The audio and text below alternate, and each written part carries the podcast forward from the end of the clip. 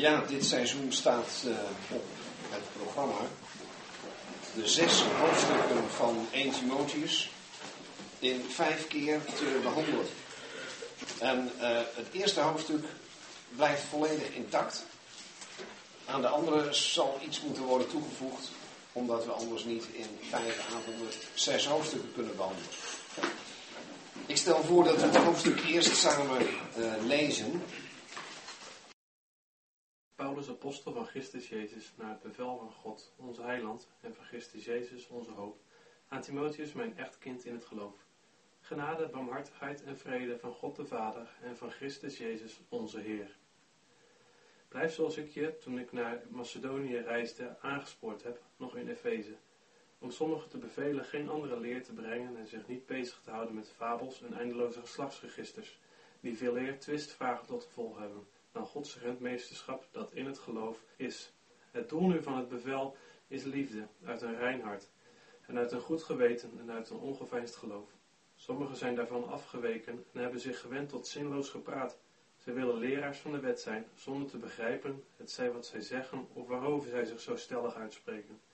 Maar wij weten dat de wet goed is als iemand haar wettig gebruikt, doordat hij dit weet dat de wet niet bestemd is voor een rechtvaardige, maar voor wettelozen en weerspannigen, voor goddelozen en zondaars, voor onheiligen en ongoddelijke, voor vadermoorders en moedermoorders, voor doodslagers, hoereerders, hen die bij mannen liggen, mensenrovers, leugenaars, mijnedigen en al wat verder ingaat tegen de gezonde leer, volgens het evangelie van de heerlijkheid van de gelukkige God dat mij is toevertrouwd. Ik dank Christus Jezus, onze Heer, die mij kracht gegeven heeft, dat Hij mij trouw heeft geacht, daar Hij mij in de bediening gesteld heeft, mij, die vroeger een lasteraar, een vervolger en een smader was, maar mij is barmhartigheid bewezen, omdat ik het onwetend heb gedaan, in ongeloof. En de genade van onze Heer is meer dan overvloedig geweest met geloof en liefde die in Christus Jezus is. Het woord is betrouwbaar en alle aanneming waard dat Christus Jezus in de wereld gekomen is om zondaars te behouden, van wie ik de voornaamste ben. Maar mij is daarom barmhartigheid bewezen, opdat Christus Jezus aan mij de voornaamste, al zijn langmoedigheid bewees tot een voorbeeld voor hen die in hem zouden geloven tot het eeuwige leven. De koning der eeuwen nu, de onvergankelijke, onzichtbare, enige God, zij eer en heerlijkheid tot in alle eeuwigheid. Amen. Dit bevel vertrouw ik je toe, mijn kind Timotheus, overeenkomstig de voorafgegane profetieën over jou, opdat je door deze de goede strijd strijdt, terwijl je het geloof behoudt en een goed geweten dat sommigen van zich hebben gestoten, waardoor zij aangaande het geloof schipbreuk hebben geleden. Onder hen zijn Hymenaeus en Alexander, die ik aan de Satan heb overgegeven, opdat hun het lasteren wordt afgeleerd. Ja, tot hier toe. Ja, het uh, onderwijs hebben we genoemd van deze brief. Onderwijs voor de eindtijd. En uh, als thema van dit eerste hoofdstuk de gezonde leer. Uitdrukking en woordgroep die we ook vaker in deze brief zullen uh, vinden. Als je nou een uh, commentaar leest op 1 Timotheus. en je zou op die manier het uh, beginnen te bespreken. Dan halen we dat nooit in één avond, dat hele hoofdstuk te bespreken. Want wat men vaak doet is eerst uitvoerig vertellen uh, wie Paulus was. Zijn hele levensloop. Wat een apostel was. Apostel van Christus Jezus. En dan ook alle teksten langslopen waar uh, Timotheus aan bod komt. Niks mis mee, een grondige bijbelstudie, ik uh, doe dat graag.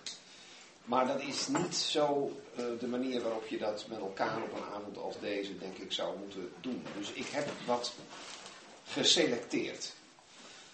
Ik ga ervan uit dat Paulus in dit gezelschap um, geen introductie behoeft.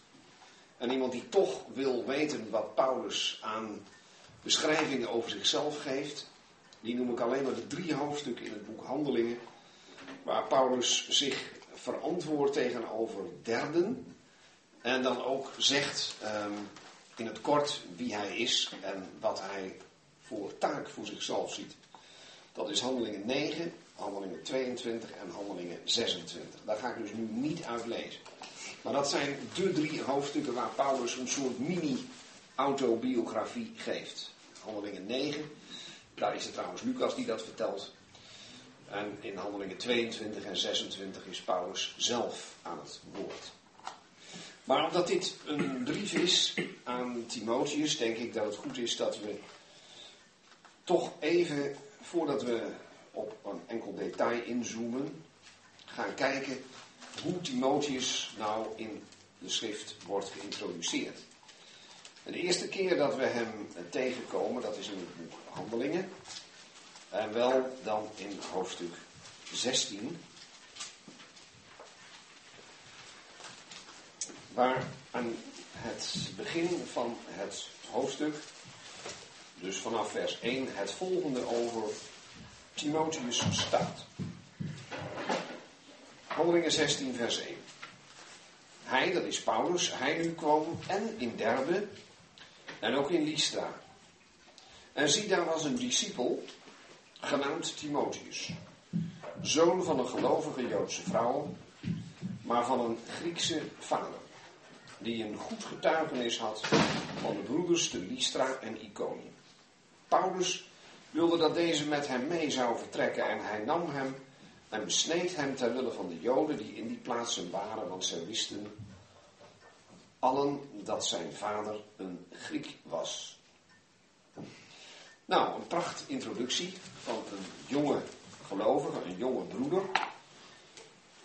En uh, als we nou even in gedachten meenemen dat Paulus hem in deze brief een paar keer zijn kind noemt, mijn echt kind in het geloof, um, dan zou je kunnen afvragen, uh, wanneer is dat dan gebeurd? Want hier in hoofdstuk 16 wordt Timotheus al een discipel genoemd. Zoon van een gelovige Joodse vrouw, dus niet zomaar een Joodse vrouw, maar een gelovige Joodse vrouw, maar van een Griekse vader. Van die vader wordt niet gezegd dat het een gelovige was, alleen dat het een Griek was. Paulus noemt Timotheus mijn echt kind in het geloof en dat lezen we toch als een, eh, een, eh, een aanduiding voor het feit dat Paulus degene was die door God gebruikt is voor Timotheus' eh, bekering. Dan zou je kunnen afvragen, wanneer is dat dan gebeurd? Want hier wordt hij in Lystra aangetroffen. Nou, daar is Paulus geweest in handelingen 14. En dat is tijdens de eerste zendingsreis. In handelingen 14 zien we uh, of liever gezegd al in vers, uh, handelingen 14, vers 7, dat uh, het evangelie daar gebracht wordt in de steden van Lycaonië, Lystra en Derbe en de omstreken. En in vers 8 wordt Lystra weer apart genoemd, maar dan niet om iets over Timotheus te vertellen, maar over de genezing van een invalide uh, man. Maar we zouden er dus van uit kunnen gaan dat in die tijd, zonder dat het hier in Handelingen 14 wordt verteld, Paulus ook het middel is geweest voor um, Timotheus om uh, tot de Heer te worden uh, geleid. In ieder geval, als Paulus daar weer een keer komt, zoals we net zagen in hoofdstuk 16, dan wordt Timotheus expliciet genoemd een discipel. Dan wordt iets gezegd over zijn, uh, over zijn moeder. Dat dat een Joodse vrouw was, dat het ook een gelovige was. Nou, we weten haar naam. Als we in 2 Timotheus kijken. Daar wordt zijn oma genoemd als een gelovige vrouw en ook zijn moeder. Maar eh, Paulus zegt niet, je bent een echt kind van je moeder en van je, een kleinzoon van je grootmoeder. En daarom ben je gelovig. Nee, hij noemt het mijn echt, mijn echt kind in het geloof. Dat lijkt al enige tijd uh, geleden dus te zijn gebeurd in hoofdstuk 16. En dan blijkt Timotheus ook in vers 2 van dat hoofdstuk Handelingen 16 vers 2 een goed getuigenis te hebben van de broeders in Lystra en Iconium. Dat zou er dus op kunnen wijzen, uh, ten meer omdat Paulus mee wil nemen, uh, dat hij wat wij wel eens noemen een bovenplaatselijke dienst verricht. Oftewel niet alleen bekend was in zijn eigen gemeente, maar ook uh, daarbuiten. Nou, we lezen dan ook dat hij door Paulus is besneden in vers 3. Niet omdat dat moest, maar ter wille van de Joden. We weten uit een andere plaats in 1 Korinthe eh, dat Paulus eh, graag de Joden een Jood wilde zijn. En kennelijk zou het aanstootgevend zijn als Paulus en Timotheus samen predikten in een omgeving waar ook Joden waren. In ieder geval ter wille van de Joden die in die plaatsen waren, uh, heeft hij hen besneden. Op zichzelf hoefde dat niet. Paulus kwam als het ware hier net na dat bijzondere congres, die apostelvergadering in Jeruzalem waar nou net afgesproken was dat gelovigen uit de volken zich aan van alles hoefden te houden, maar de besnijdenis wordt daar niet genoemd. En dan kun je zeggen, ja, was Timotheus dan een gelovige uit de volken? Als je kijkt naar zijn pa wel. Was het een Jood die nog niet besneden was? Nou, kennelijk ook.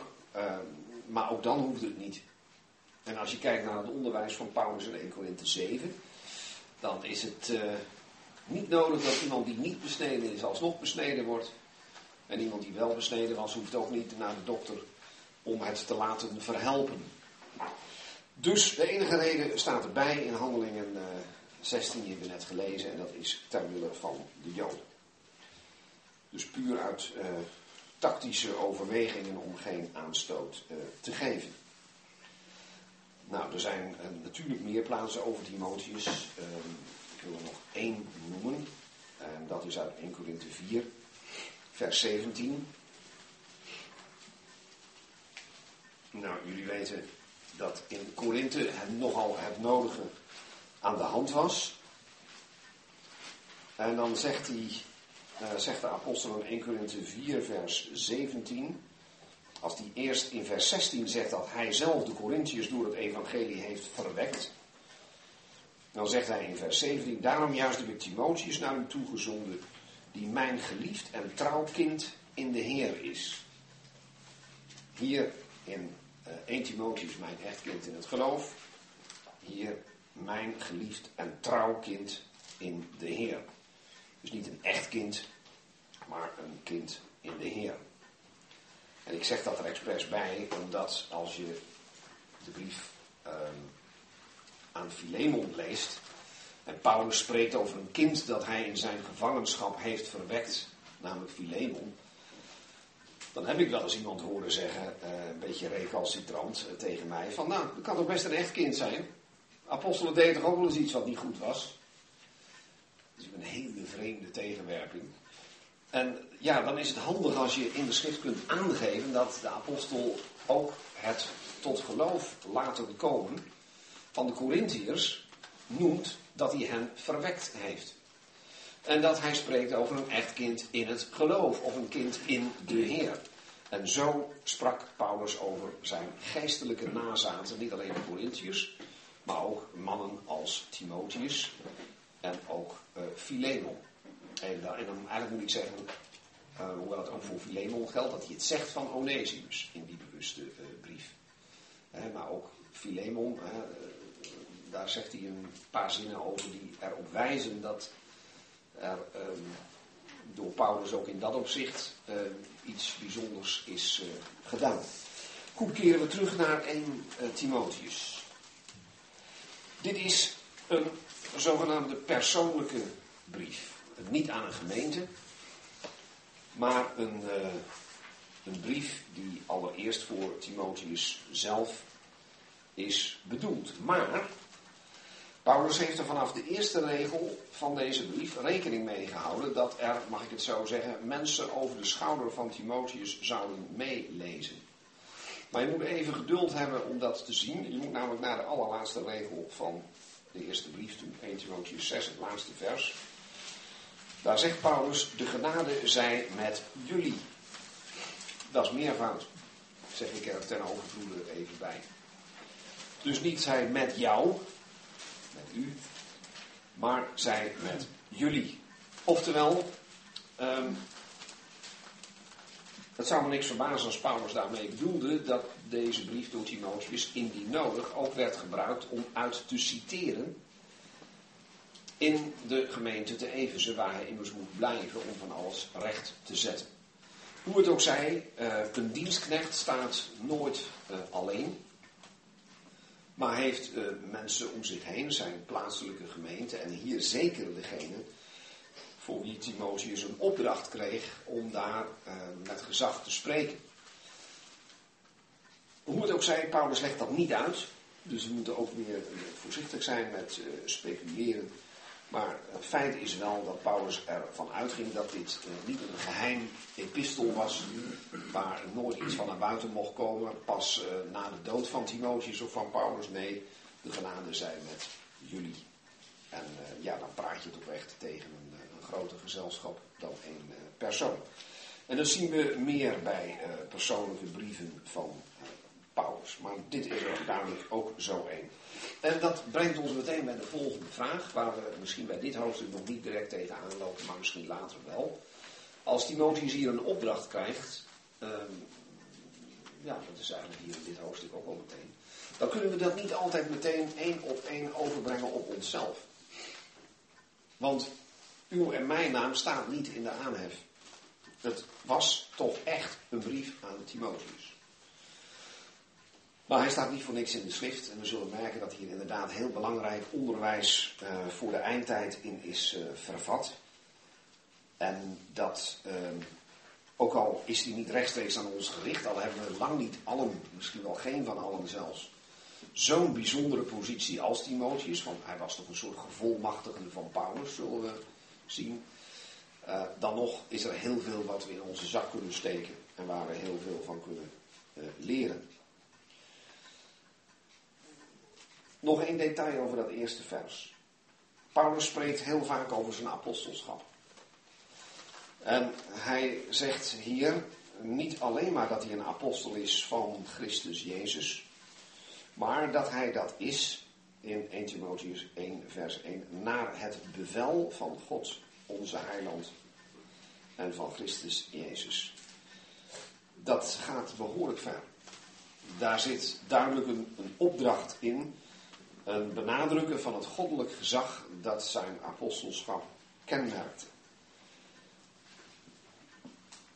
Nou, als hij dan zichzelf zo heeft geïntroduceerd en Timotheus heeft aangesproken als mijn echt kind in het geloof, dan komt de bekende groet die we vaker in de schrift aantreffen, genade, barmhartigheid en vrede van God de Vader en van Christus Jezus.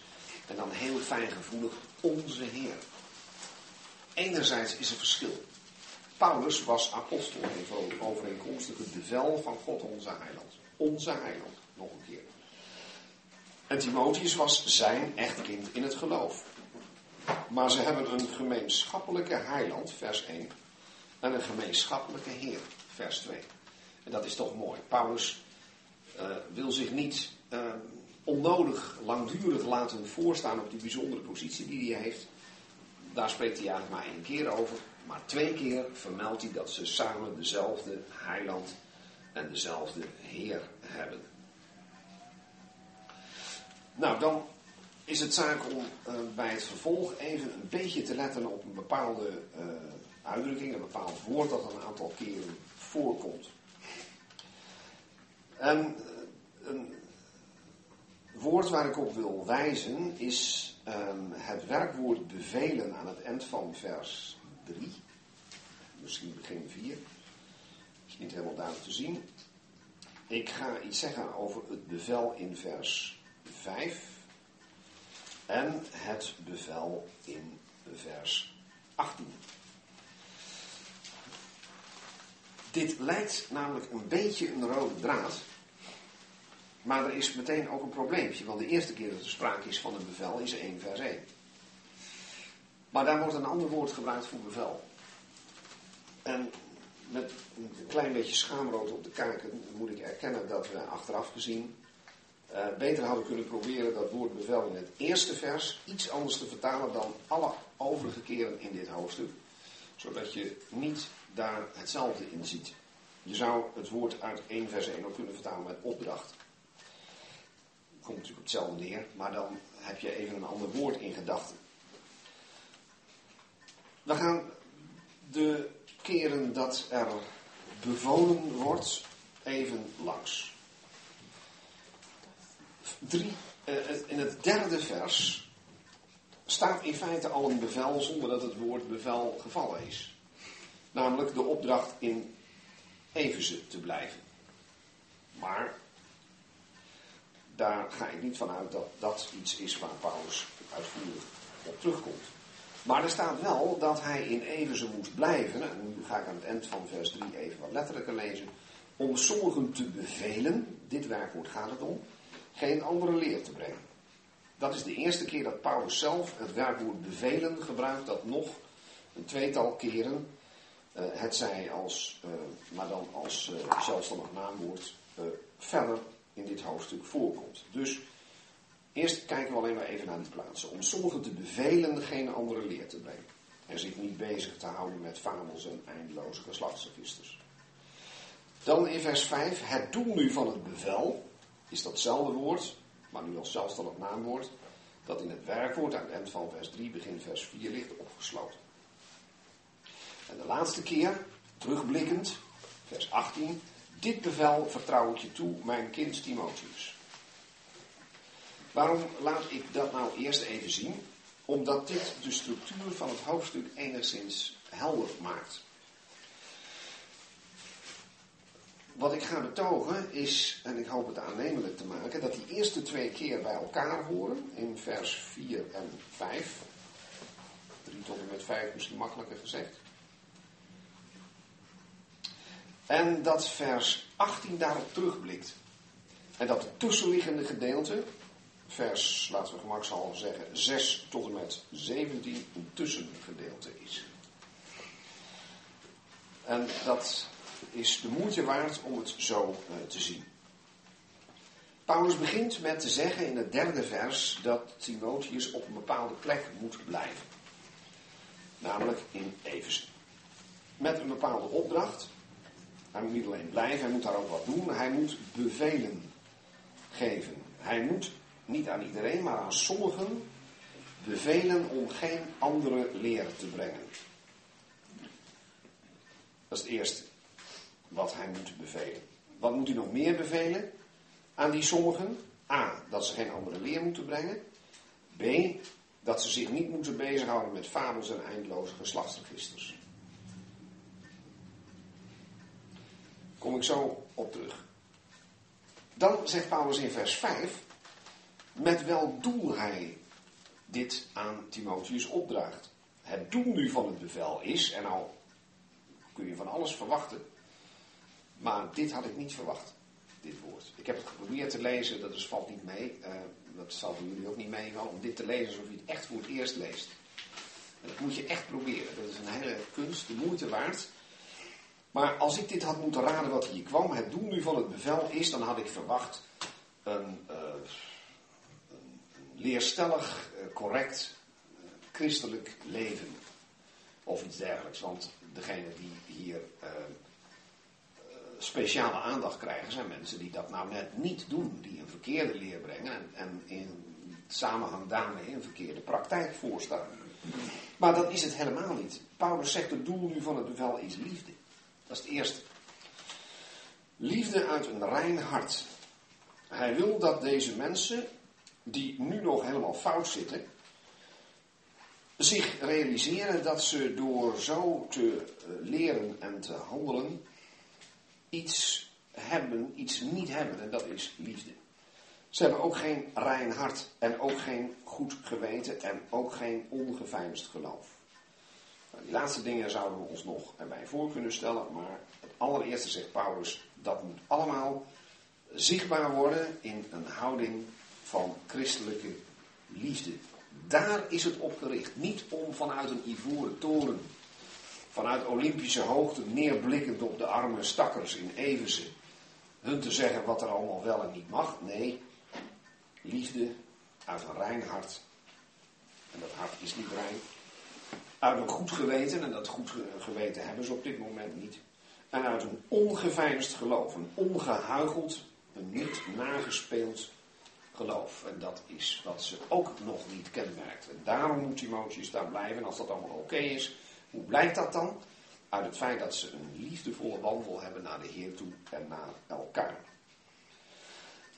Nou, even nog naar die keer uh, dat het daarna nog een keer voorkomt. Dat is vers 18. Waar Paulus zegt: Dit bevel vertrouw ik je toe, mijn kind Timotheus. En nou komt iets over Timotheus zelf, wat ik eerst even wil bespreken. Dat vertrouw ik je toe, mijn kind Timotheus, overeenkomstig de voorafgegane profetieën over jou. Opdat, dat geeft weer een doel aan, je door deze de goede strijd strijdt. Terwijl je het geloof behoudt en een goed geweten. Dat goede geweten is net ook genoemd.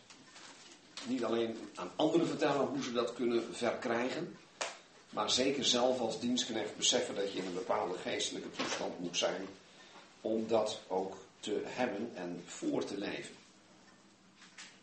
En nu zegt Paulus hier dat degene aan wie hij deze speciale opdracht geeft, iemand is die niet zomaar even ehm, met Paulus samen uh, aan het werk kon gaan. In, in handelingen hebben we gelezen dat Paulus besloot Timotheus uh, mee te nemen. Het staat er zo, ik zal het u maar even dus nog eens zeggen. Uh, Paulus wilde dat deze met hem mee zou vertrekken. Dat is alles. En hij nam hem en besneed hem. Dus er staat alleen maar over dat meegaan met Paulus, dat meewerken, dat Paulus dat wilde.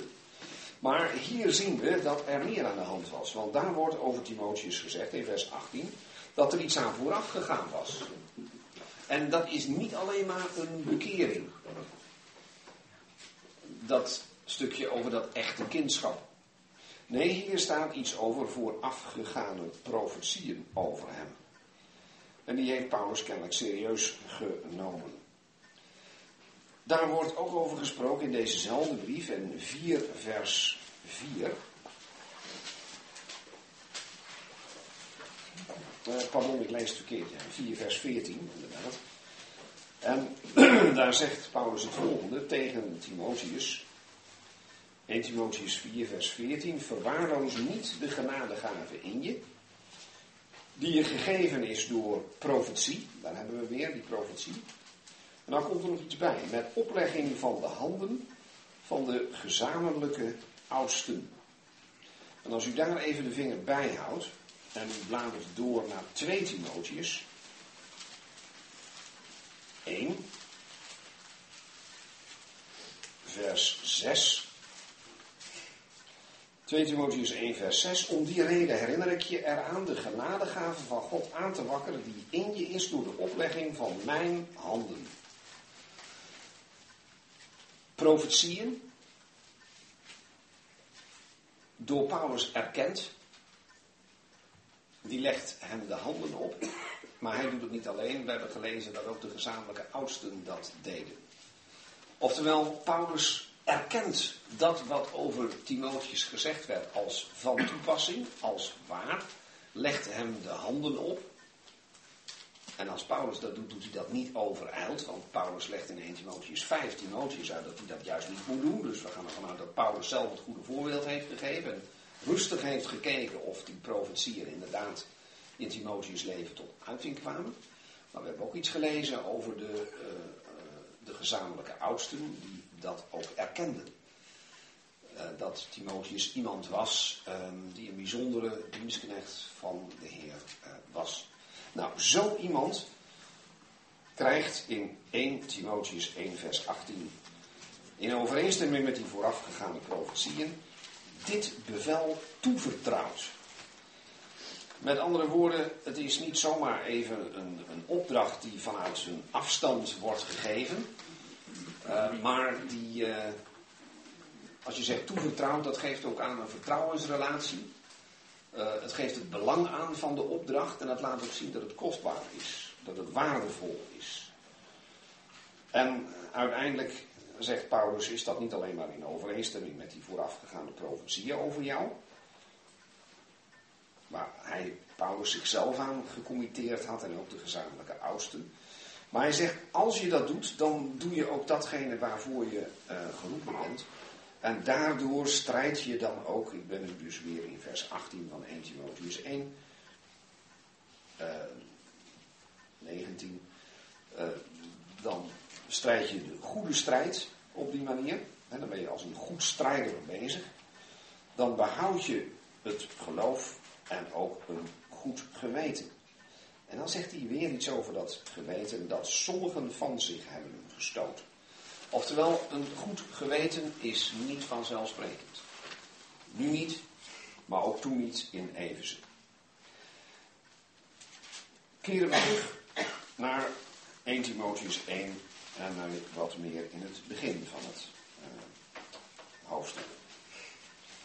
De eerste keer dat gesproken wordt over de concrete opdracht aan Timotheus, afgezien van de opdracht om in Efeze te blijven, uh, is de taak, vers 4, te bevelen dat, aan, uh, dat die sommigen geen andere leer brengen. Niet vriendelijk verzoeken. Dat uh, zouden wij misschien gezegd hebben. Er zijn dingen die moet je durven bevelen. En Paulus zegt niet, ik beveel ze dat. Nee, zegt hij, jij, Timotheus, moet daar blijven. En jij moet dat bevelen. En met het doel deze mensen te bevelen geen andere leer te brengen. Verderop is sprake van de gezonde leer. Vers 10 alles wat verder ingaat tegen de gezonde leer.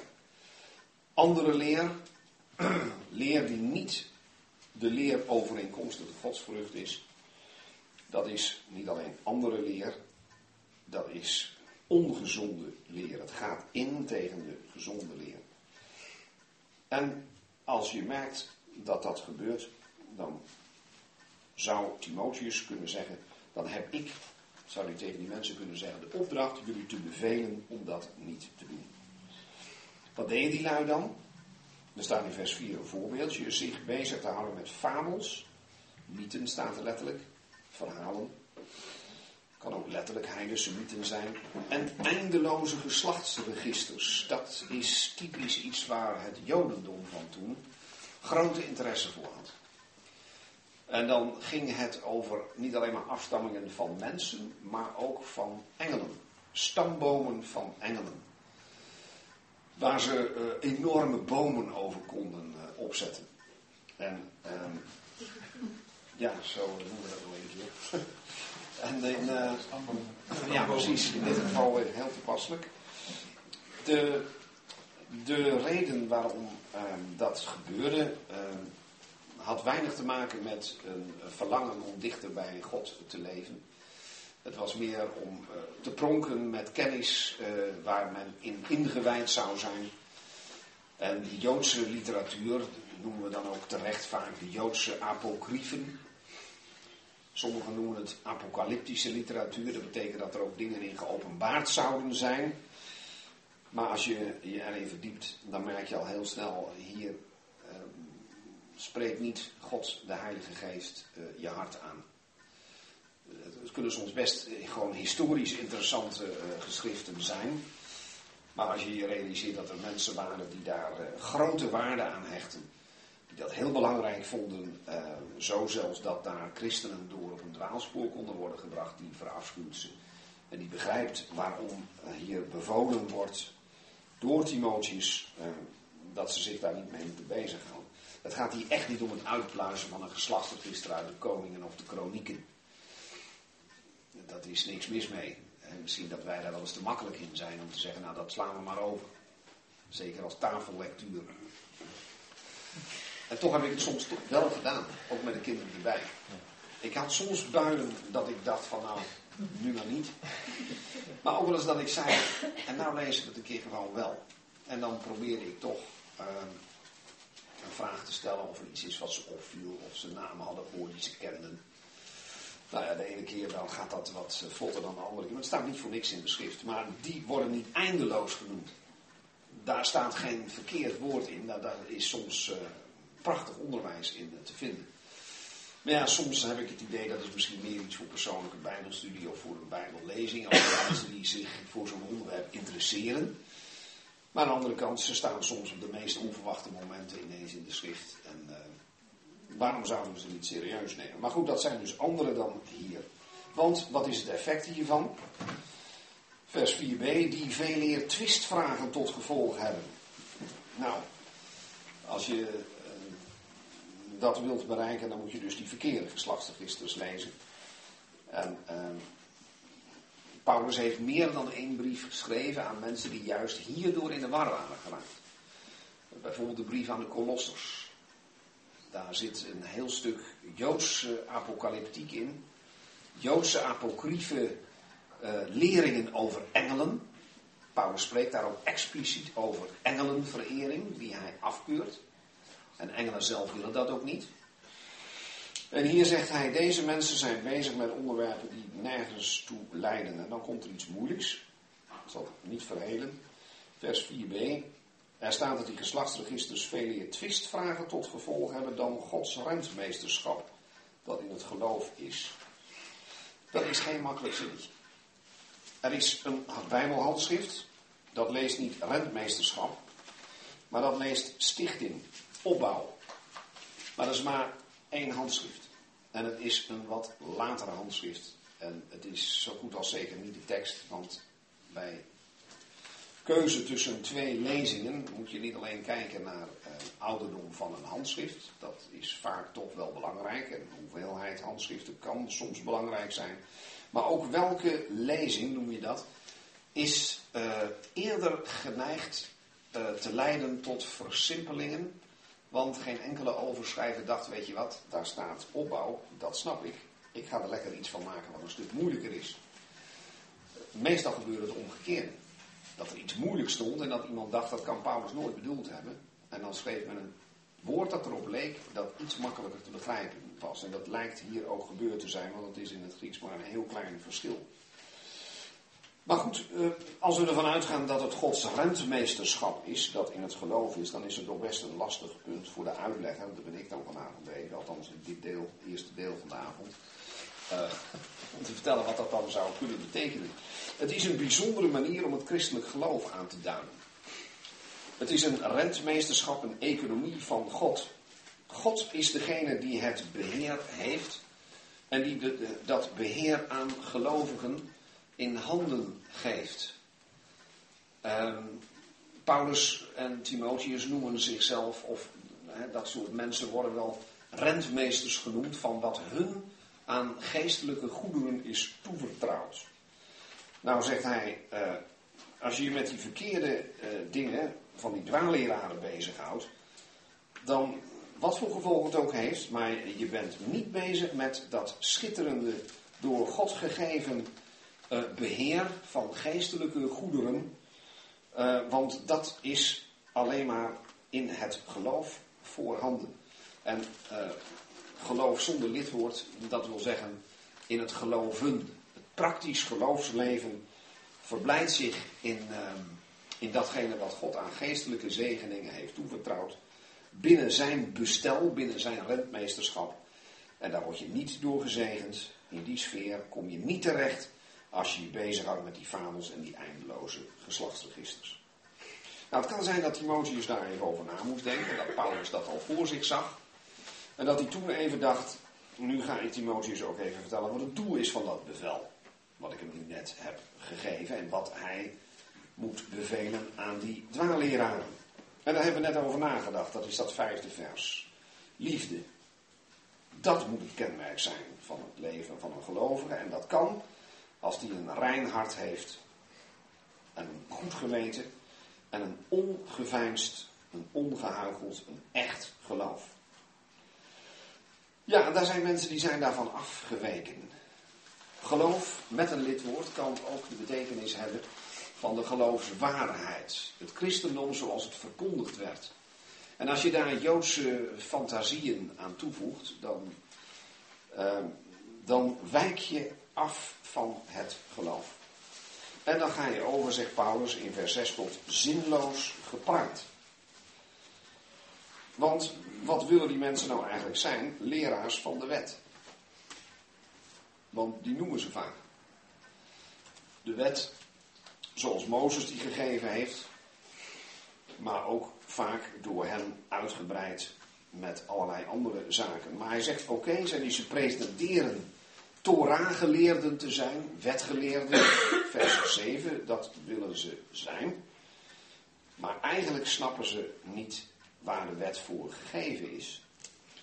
Ze begrijpen niet wat ze zeggen of waarover ze zich zo stellig uitspreken. Ik zei al, we komen uh, na vers 5 in een tussenzin terecht. Hè. Je zou kunnen zeggen dat hij nu gaat beginnen. Over die dwaalleraren zegt Paulus nog in vers 7, ze willen leraars van de wet zijn. Hè, dus die lui die door uh, Timotheus moet worden bevolen dat ze dit allemaal juist niet doen. Ze willen leraars van de wet zijn zonder te begrijpen wat ze zeggen of waarover ze zich zo stellig uitspreken. En dan komt de tussenzin.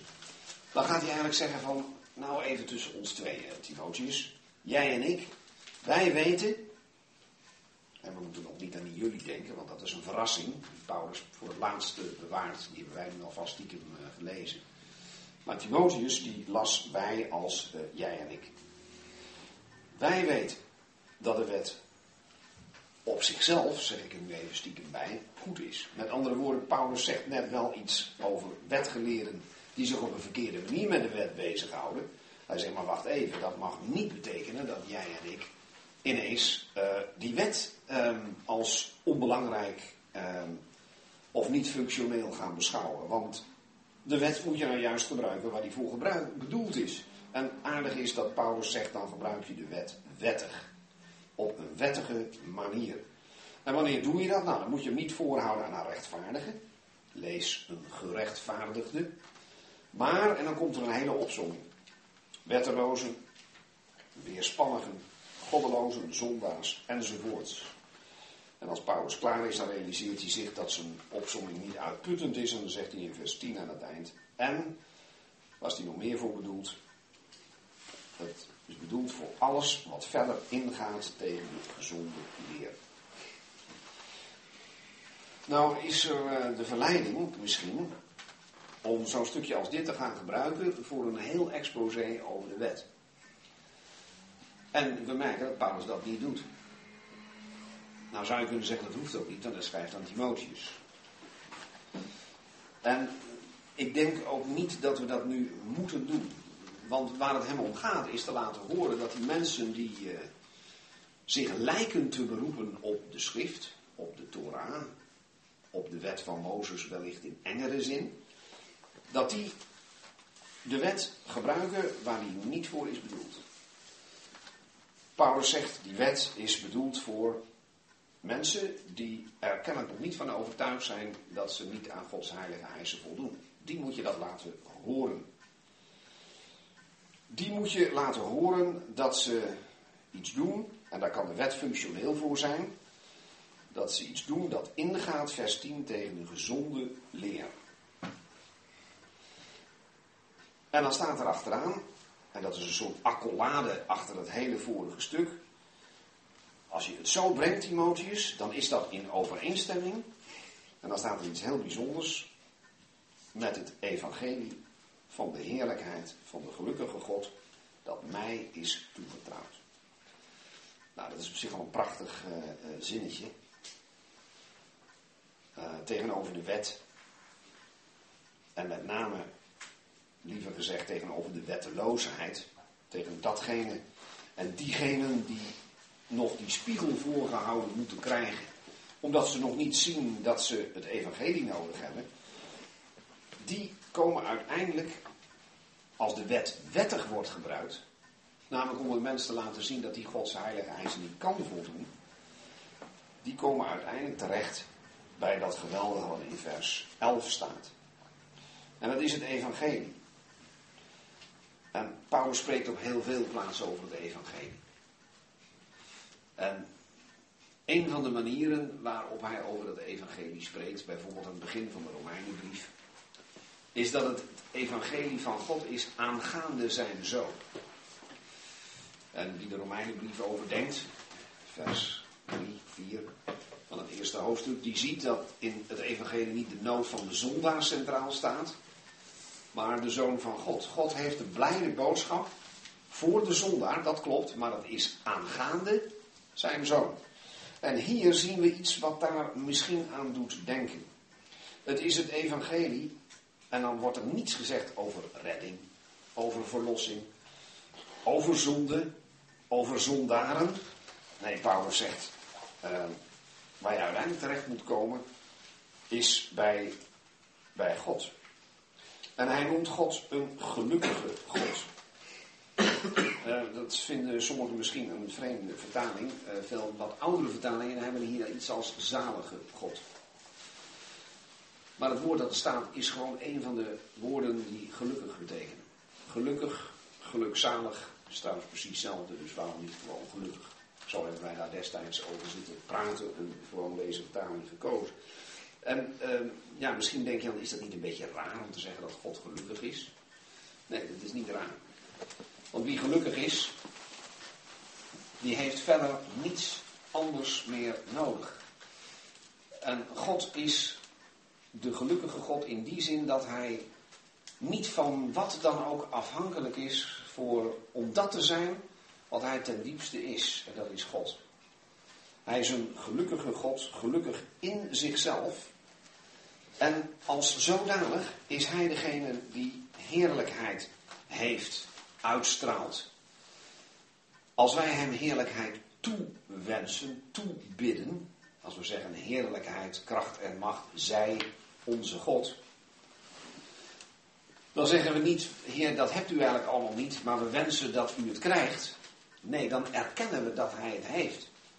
En we erkennen dat Hij het waarachtig heeft en het waard is. En dat is de blijde boodschap.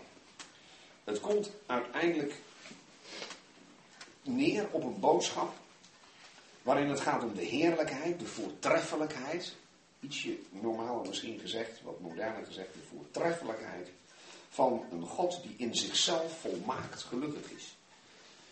Die, als ik het zo mag zeggen, ons daar niet voor nodig heeft om zijn geluk te vergroten. Nou, daar moet je bij terechtkomen. En als je de wet op een verkeerde manier gebruikt, dan komt geen mens terecht bij deze blijde boodschap. Maar dan gaat hij juist in tegen de gezonde leer. Terwijl de wet als die wetten gebruikt wordt, de mens binnen de kosten keren laat zien. Uit jezelf haal je het niet bij die grote, geweldige God. En het is dus op Paulus, wanneer hij over dat evangelie heeft uh, gesproken, wil laten horen dat hij een voorbeeld wil geven van iemand die vroeger ook verkeerd bezig was.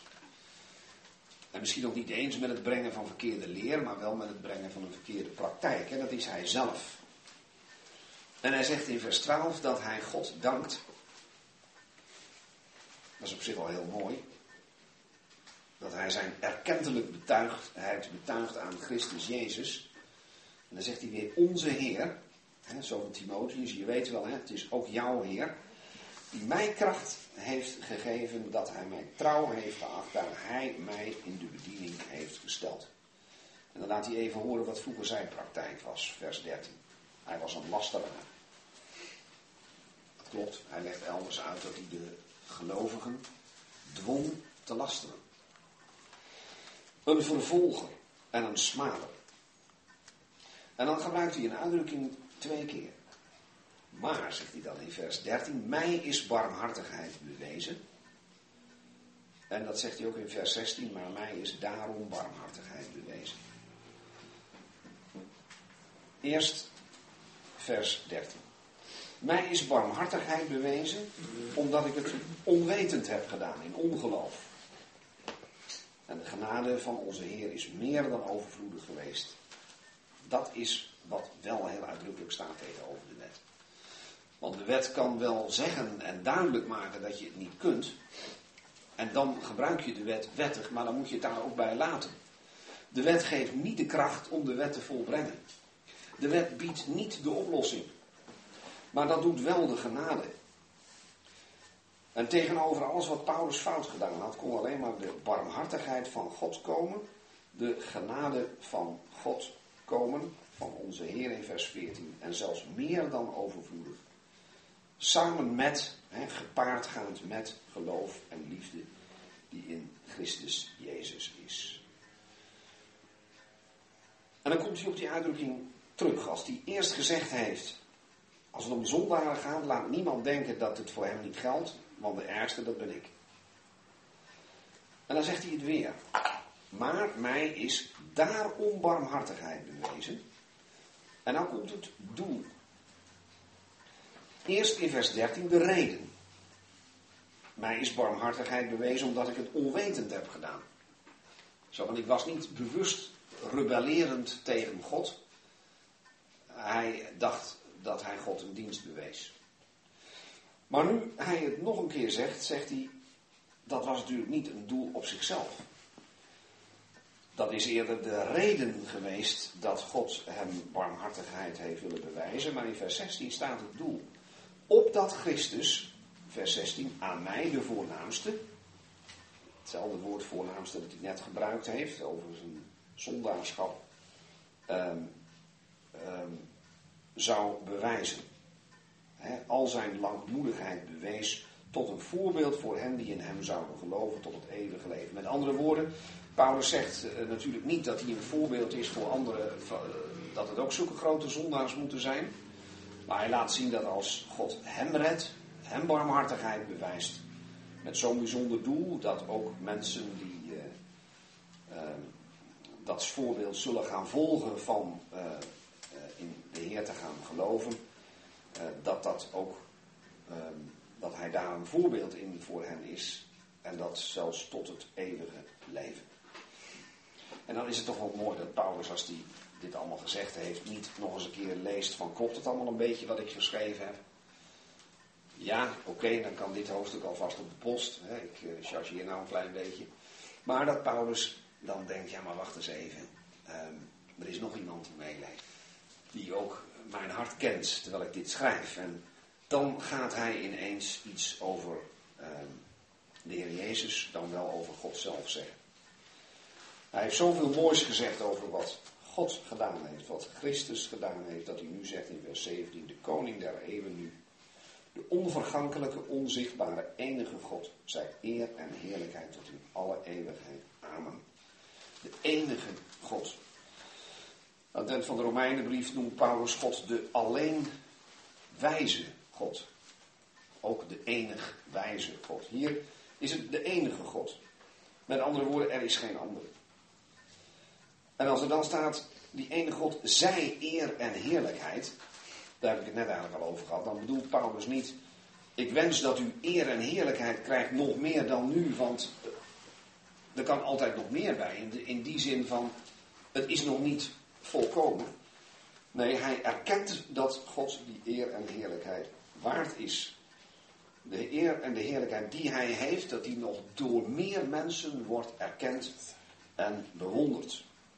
En als Paulus er dan ook nog amen aan toevoegt, dan zie je dat het echt een stukje gebed, een stukje aanbidding is, midden onder het schrijven. Ja, misschien is Paulus toen wel even stil geweest. Hij heeft even nagedacht. En toen het hoofdstuk afgerond, door te zeggen, nou kijk, dat is nou dat bevel dat ik jou toevertrouw. Hij komt weer even met hetzelfde woord uh, terug als hij al gebruikt heeft in het begin van vers 4 en in vers 5. En dan zegt hij nu dus, dit bevel vertrouw ik je toe, mijn kind Timotheus. En dan die profetie, hè, overeenkomstig de voorafgegaande profetieën over jou. En dan zie je dat het ook een doel heeft en als dat doel wordt nagestreefd ook een gevolg voor Timotheus zelf, omdat je door deze de goede strijd strijdt. Terwijl je het geloof behoudt en een goed geweten. En dan wordt er gezegd dat er mensen zijn, die Paulus net al heeft getypeerd, die dat van zich hebben gestoten. En met het gevolg dat ze aangaande het geloof schipbreuk hebben geleden. Je moet je dan niet afvragen, uh, zijn dat lui die dan eerst wel geloofden en toen niet, want daar wordt hier niet over gesproken. De schipbreuk die ze hebben geleden is het geloof, de geloofswaarheid, dat wat verkondigd werd, het christendom. Of zoals Paulus het vaak noemt, mijn evangelie, dat hem is toevertrouwd. En deze mensen die hebben op dat punt uh, iets vreselijks uh, meegemaakt. Ze hebben wat hun geloof betreft schipbreuk hebben geleden. En dan eindigt Paulus met iets heel ernstigs. Hij noemt twee voorbeelden. En mogelijk kende Timotheus deze mensen. In ieder geval, Paulus legt over deze mensen verder niks uit. Hij zegt onder hen zijn, dus onder die mensen die uh, aangaande het geloof skipbreuk hebben geleden, die geen goed geweten hadden, niet de goede strijd streden. Daar is een zekere Hymenaeus en een Alexander. En dan zegt hij, Paulus dus, die ik aan Satan heb overgegeven, opdat hun lasteren wordt afgeleerd. Aan de Satan overgegeven. Dat is nogal wat. Uh, dat kun je niet zeggen van een tuchtmaatregel die je als gemeente soms helaas moet nemen. Geen enkele gemeente krijgt de opdracht iemand aan de Satan over te geven. Hoewel Paulus dat onderwerp wel nog één keer noemt, namelijk in het onderwijs over tucht dat hij geeft aan een gemeente. En dat is de gemeente in Korinthe. En het is um, toch goed om daar even naar te kijken. 1 Korinthe 5.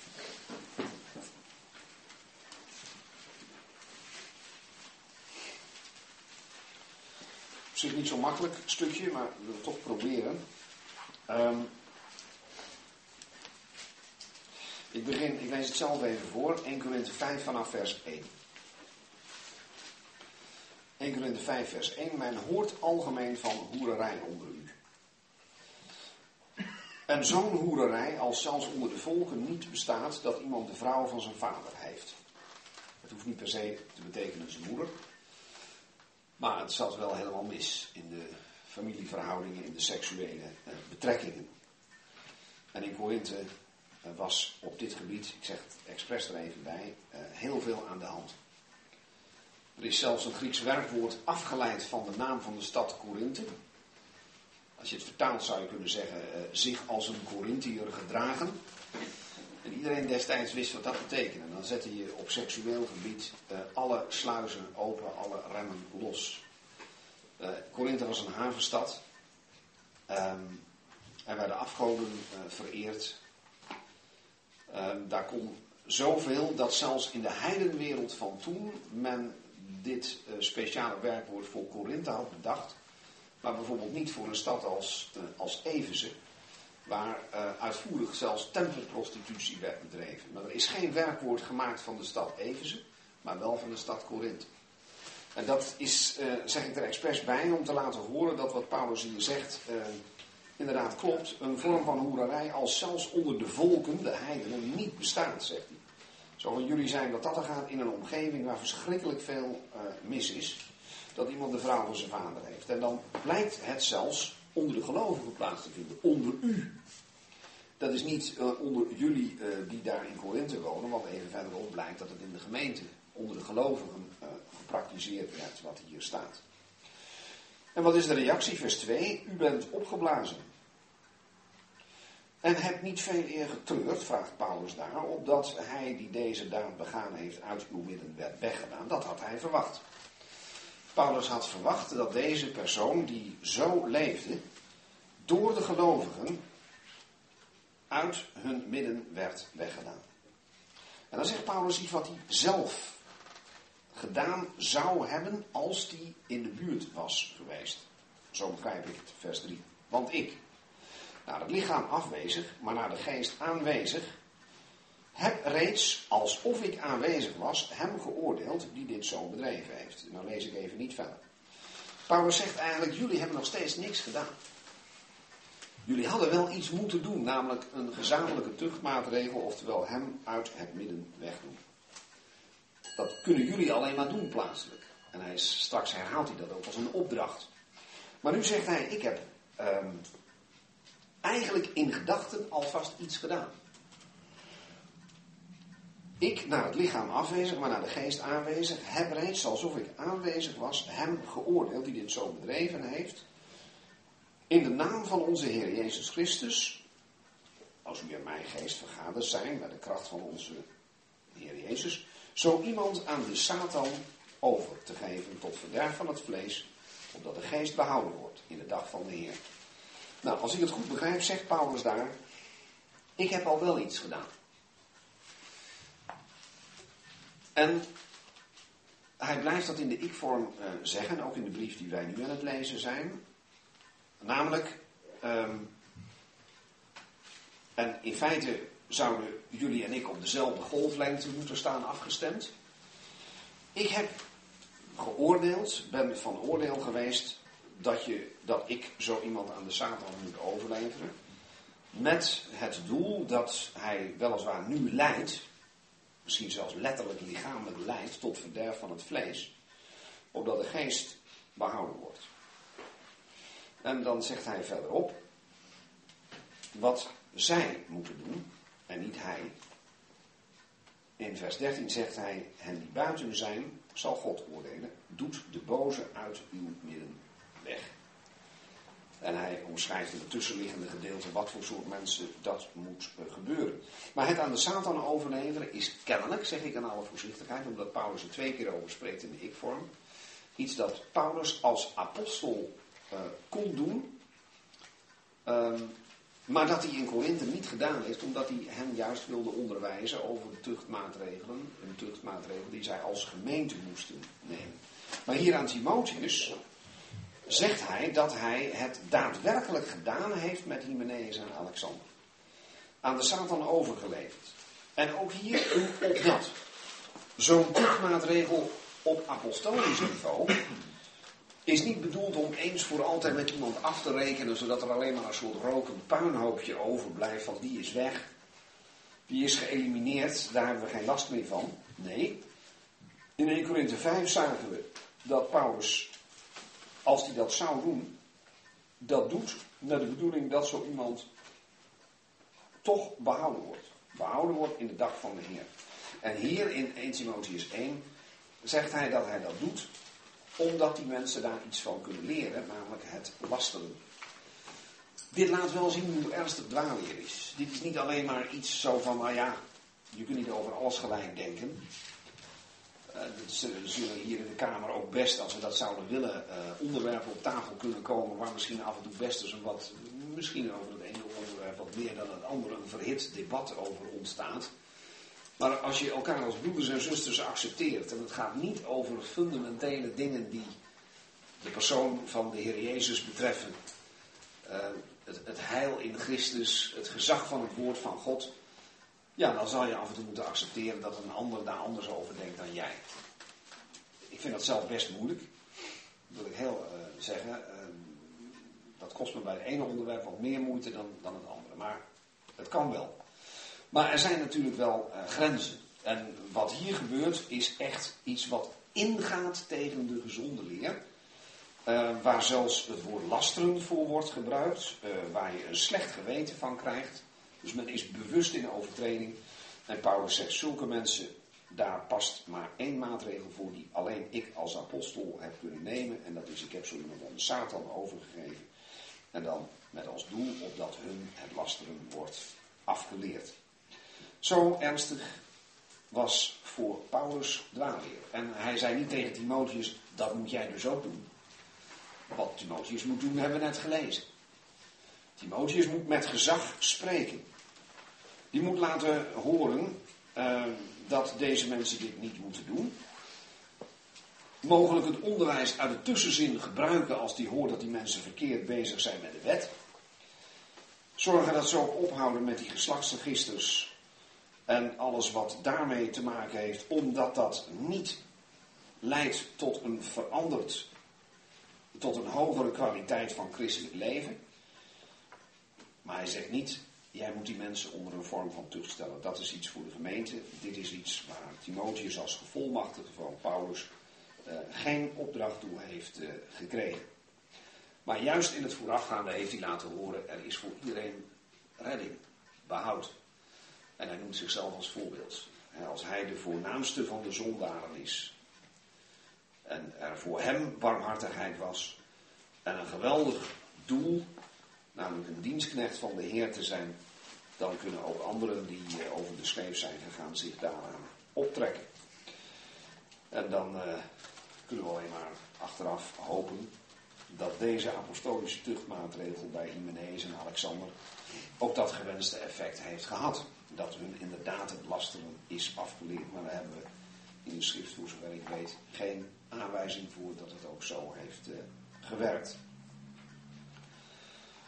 Goed. dat is wat ik uh, naar voren zou willen brengen van dit hoofdstuk. En daar zou ik het nu bij willen laten. Ja, dit is altijd het, uh, het uh, spannendste deel van de avond. Ook mijn lezingen, wie dat uitgevonden heeft, die bespreking. Maar het, is, het kan ook heel, heel zinnig uh, Ik zou gewoon zeggen, we slaan het over. Nee, nee, dat is waar. Nee hoor, als er iemand een, een opmerking, een aanvulling, een vraag heeft, uh, kan het altijd uh, proberen. Moeilijk. Ik heb er twee. Ja, ik kan het Ja, ga in tegelijk, ja. Ik wou het net. Uh, ja. Um, waaruit kunnen we opmaken dat, um, zoals Paulus dus nu twee keer hebben gelezen, dat iets aan de Satan overgeven, dat, dat, dat, daar apostolisch gezag voor nodig is? Nou, dat is in feite gewoon gebaseerd daarop dat Paulus het zegt uh,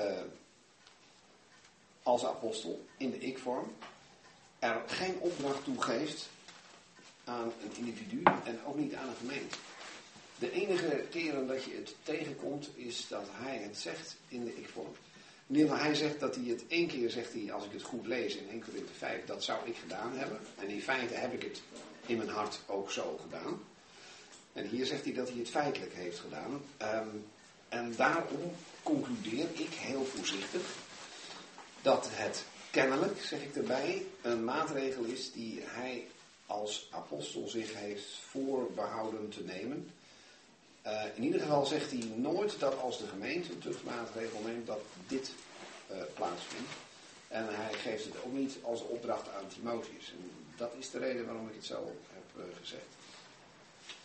En ik zou dus ook zelf nooit durven zeggen, ook niet bij een afsluiting, hoewel het al vreselijk is om zoiets te moeten meemaken, dat iemand die dan als een boze, dat is op zich al verschrikkelijk genoeg, uit het midden moet worden weggedaan, dat zo iemand aan de Satan is overgeleverd. Hè. Ook die figuur die in 1 Korinthe 5 wordt uitgesloten, uh, zijn boze wordt weggedaan. Nou, ik denk dat in de tweede brief we hem hersteld zien worden. 2 Korinthe 2 en ook in hoofdstuk 7. Um, ja, dan zie je ook niet dat die uitdrukking wordt gebruikt. Dus die, die paar keer dat je dan toch iets leest over gemeentelijke tucht, vind je niet de uitdrukking, dan wordt de Satan niet genoemd, laat ik het zo zeggen. En dat is de reden waarom ik zeg, uh, op basis van deze paar gegevens zou ik geneigd zijn te concluderen. Kennelijk is dit iets dat de apostel zichzelf heeft voorbehouden.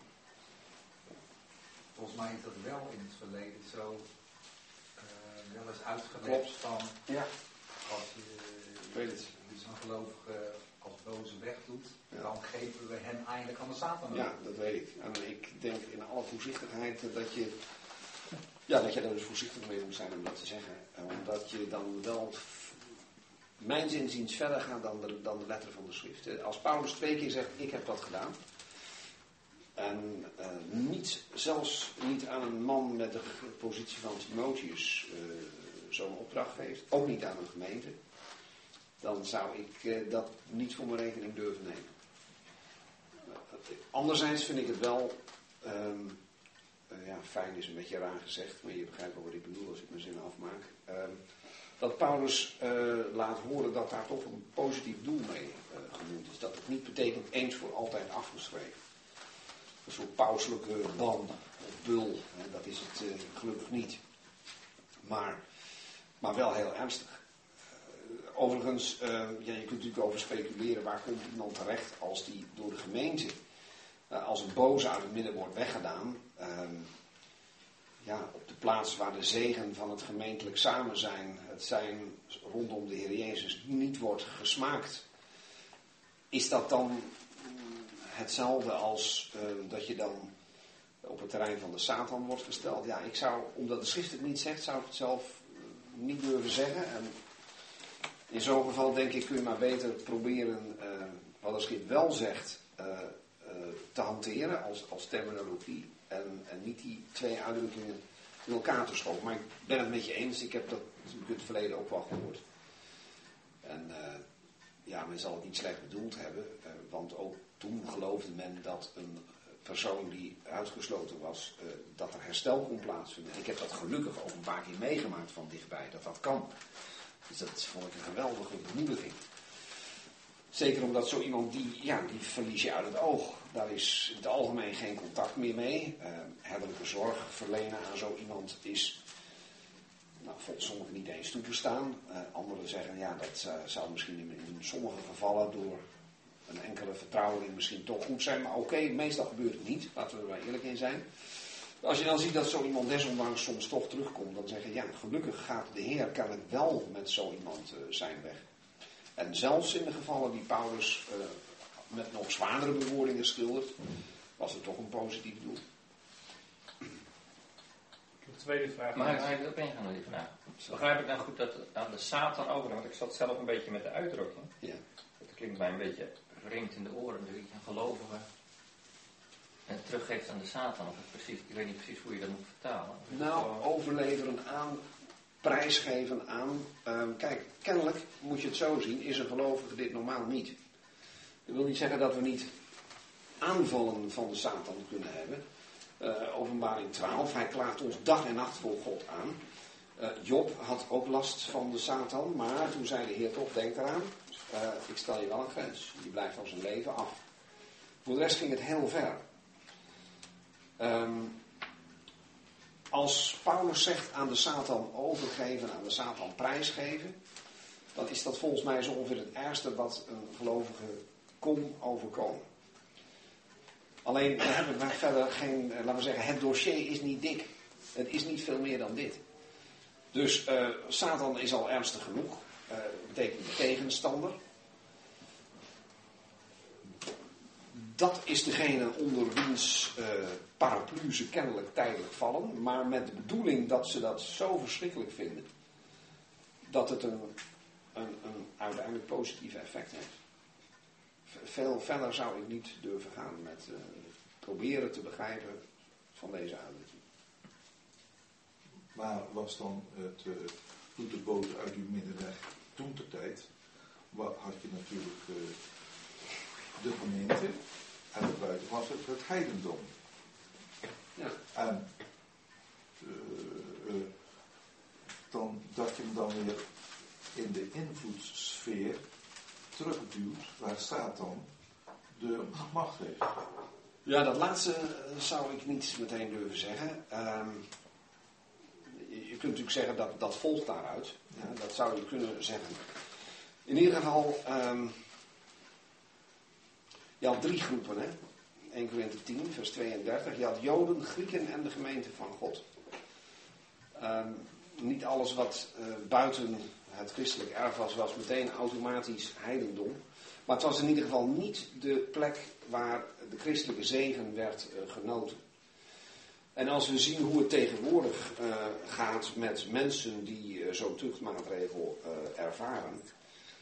Ja, wat is het eerste wat je opmerkt? Je ziet ze niet meer in de samenkomst.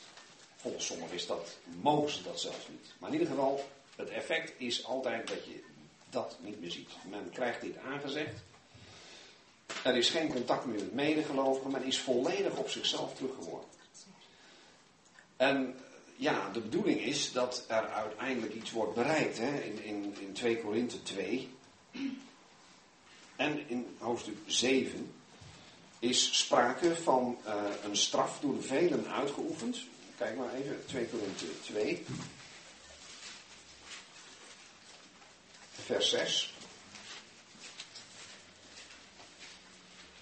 Als het tenminste gaat over het geval van 1 Korinthe 5, en ik zelf denk van wel, dan staat er in 2 Korinthe 2 vers 6, voor zo iemand is deze straf genoeg, die door de velen uitgeoefend is.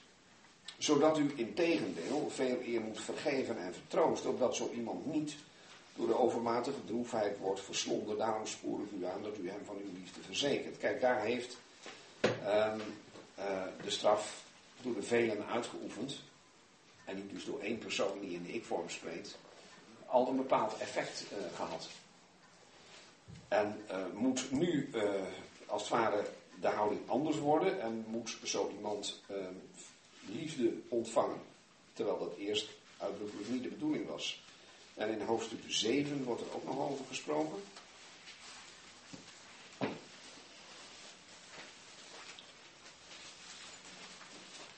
Maar dan gaat het meer over de houding van de Corinthiërs die veranderd is. Ehm, daar is sprake bijvoorbeeld in vers 10 over droefheid in overeenstemming met God.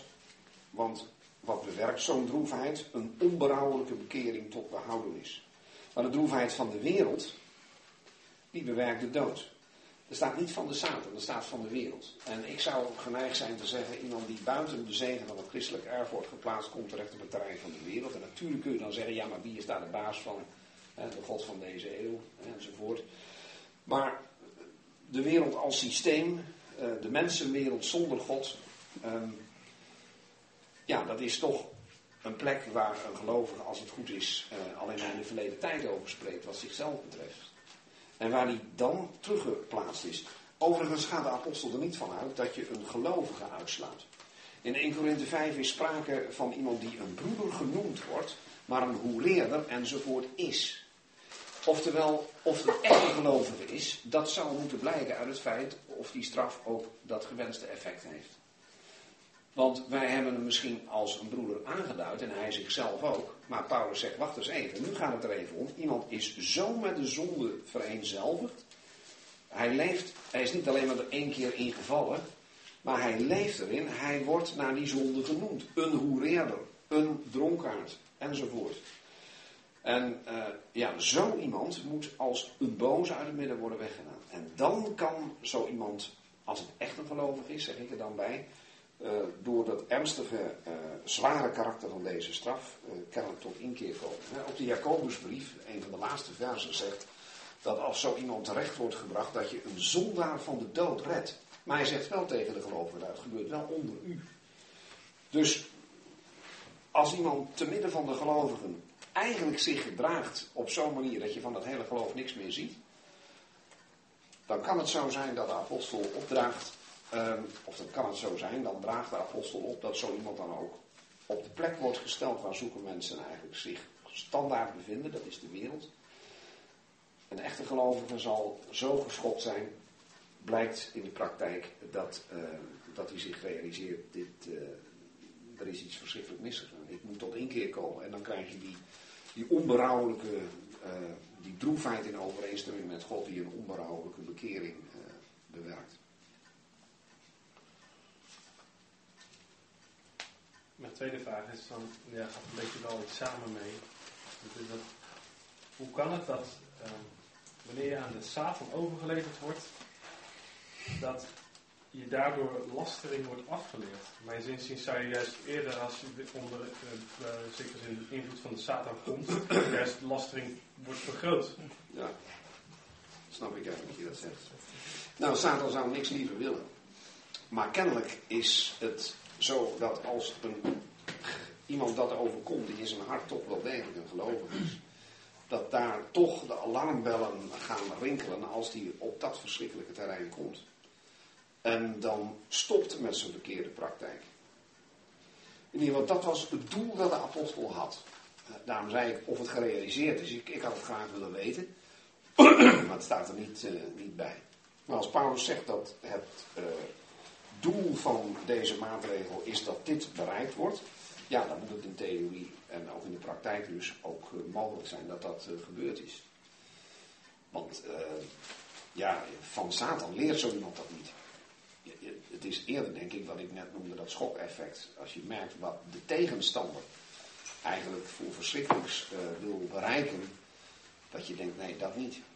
En dat je dan ook je realiseert dat je je eigenlijk toch onbedoeld misschien uh, bent gaan gedragen op een manier die steeds meer lijkt op wat Satan eigenlijk wil.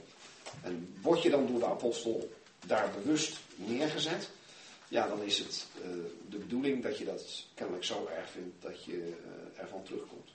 En dus niet meer lastig. Zoals dus tegenovergestelde, wat dus diezelfde Alexander 2 Timotheus 4 vers 14, waar dus Paulus hem nog een keer aanhaalt en zegt van Alexander de kopersmid, heeft mij veel kwaad berokkend. De Heer zal hem vergelden naar zijn werk. Ja, als dat dezelfde is. Ja. Daar staat bij de kopersmid. En hier staat alleen maar Alexander. Dus dat is een moeilijkheid. Die naam kwam heel veel voor. Dat is een probleem. Uh, ja. Ja. ja. ja, maar het is zo. En, en soms uh, staat er een bijnaam bij. Uh, Overigens ook die Alexander de Kopersmid, daar hoor je ook aparte dingen over. Ik vertel wel eens, hier zitten wel meer mensen misschien die zondags wel eens een collecte moeten tellen. En ik kan me een keer herinneren dat ik dat deed samen met een broer die keek zo eens naar wat daar uitgespreid lag. Die zei, ik zie dat Alexander de Kopersmid ons vandaag veel kwaad heeft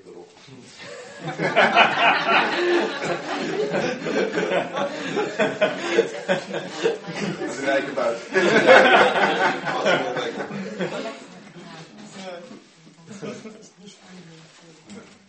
Het is al een soort heimwee krijgen, zeg Deze mensen, ja. Ja. Een soort heimwee krijgen naar wat, uh, en wat nu nog mogelijk is. Want uh, natuurlijk krijg je ook wel eens vragen als van uh, wat is nou het erge van de hel? Nou, de schrift spreekt daar over dat het een verschrikkelijke plaats is. Er worden een aantal kenmerken uh, genoemd. Maar soms helpt het als iemand het een keer probeert te omschrijven zonder dat hij daar meteen een tekst voor kan noemen. En ik heb iemand dus het volgende horen zeggen. Mensen die in hun hele leven, terwijl ze de mogelijkheid hebben om dicht bij God te komen, uh, hem van zich hebben gestoten. Die krijgen uiteindelijk voor altijd datgene wat ze eigenlijk uh, kennelijk graag wilden hebben. Namelijk een bestaan in een domein, een wereld zonder God. En dat is het verschrikkelijke van de hel. Is de plaats waar God niet is. En dat is iets waar wij niet aan moeten denken. Dat je ook een ongelovige niet toewenst. Maar het trieste is, wie een keer daarin terechtkomt in die plek, die kan niet meer terug. Dat, dat zijn de uitspraken die de Heer daar zelf over doet, die je tot en met het laatste Bijbelboek uh, tegenkomt. Terwijl iemand die nu, stel dat er nog een apostel op aarde zou zijn die zo'n verschrikkelijke maatregel kon nemen. Uh, nu zou het nog mogelijk zijn dat de nabijheid van Satan mensen uh, ertoe brengt dat ze hun heil opnieuw zoeken bij degene tegen wie ze gezondigd hebben.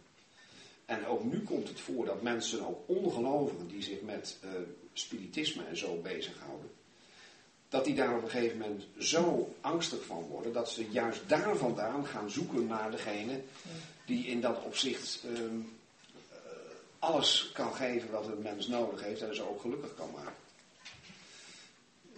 Ik, ik vertel het dus om te laten horen dat als de Heer nu mensen bij wijze van tucht dicht bij Satan laat komen, dan is dat omdat er nog altijd een weg terug is. In ditzelfde hoofdstuk hebben we ook een paar hebben we ook gelezen over de genade, over barmhartigheid.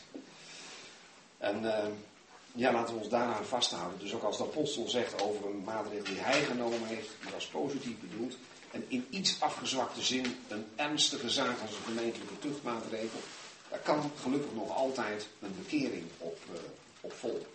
Of zoals Jacobus zelf zegt, een zondaar kan dan ook al was hij in het midden van de gelovigen, van de dood worden gered.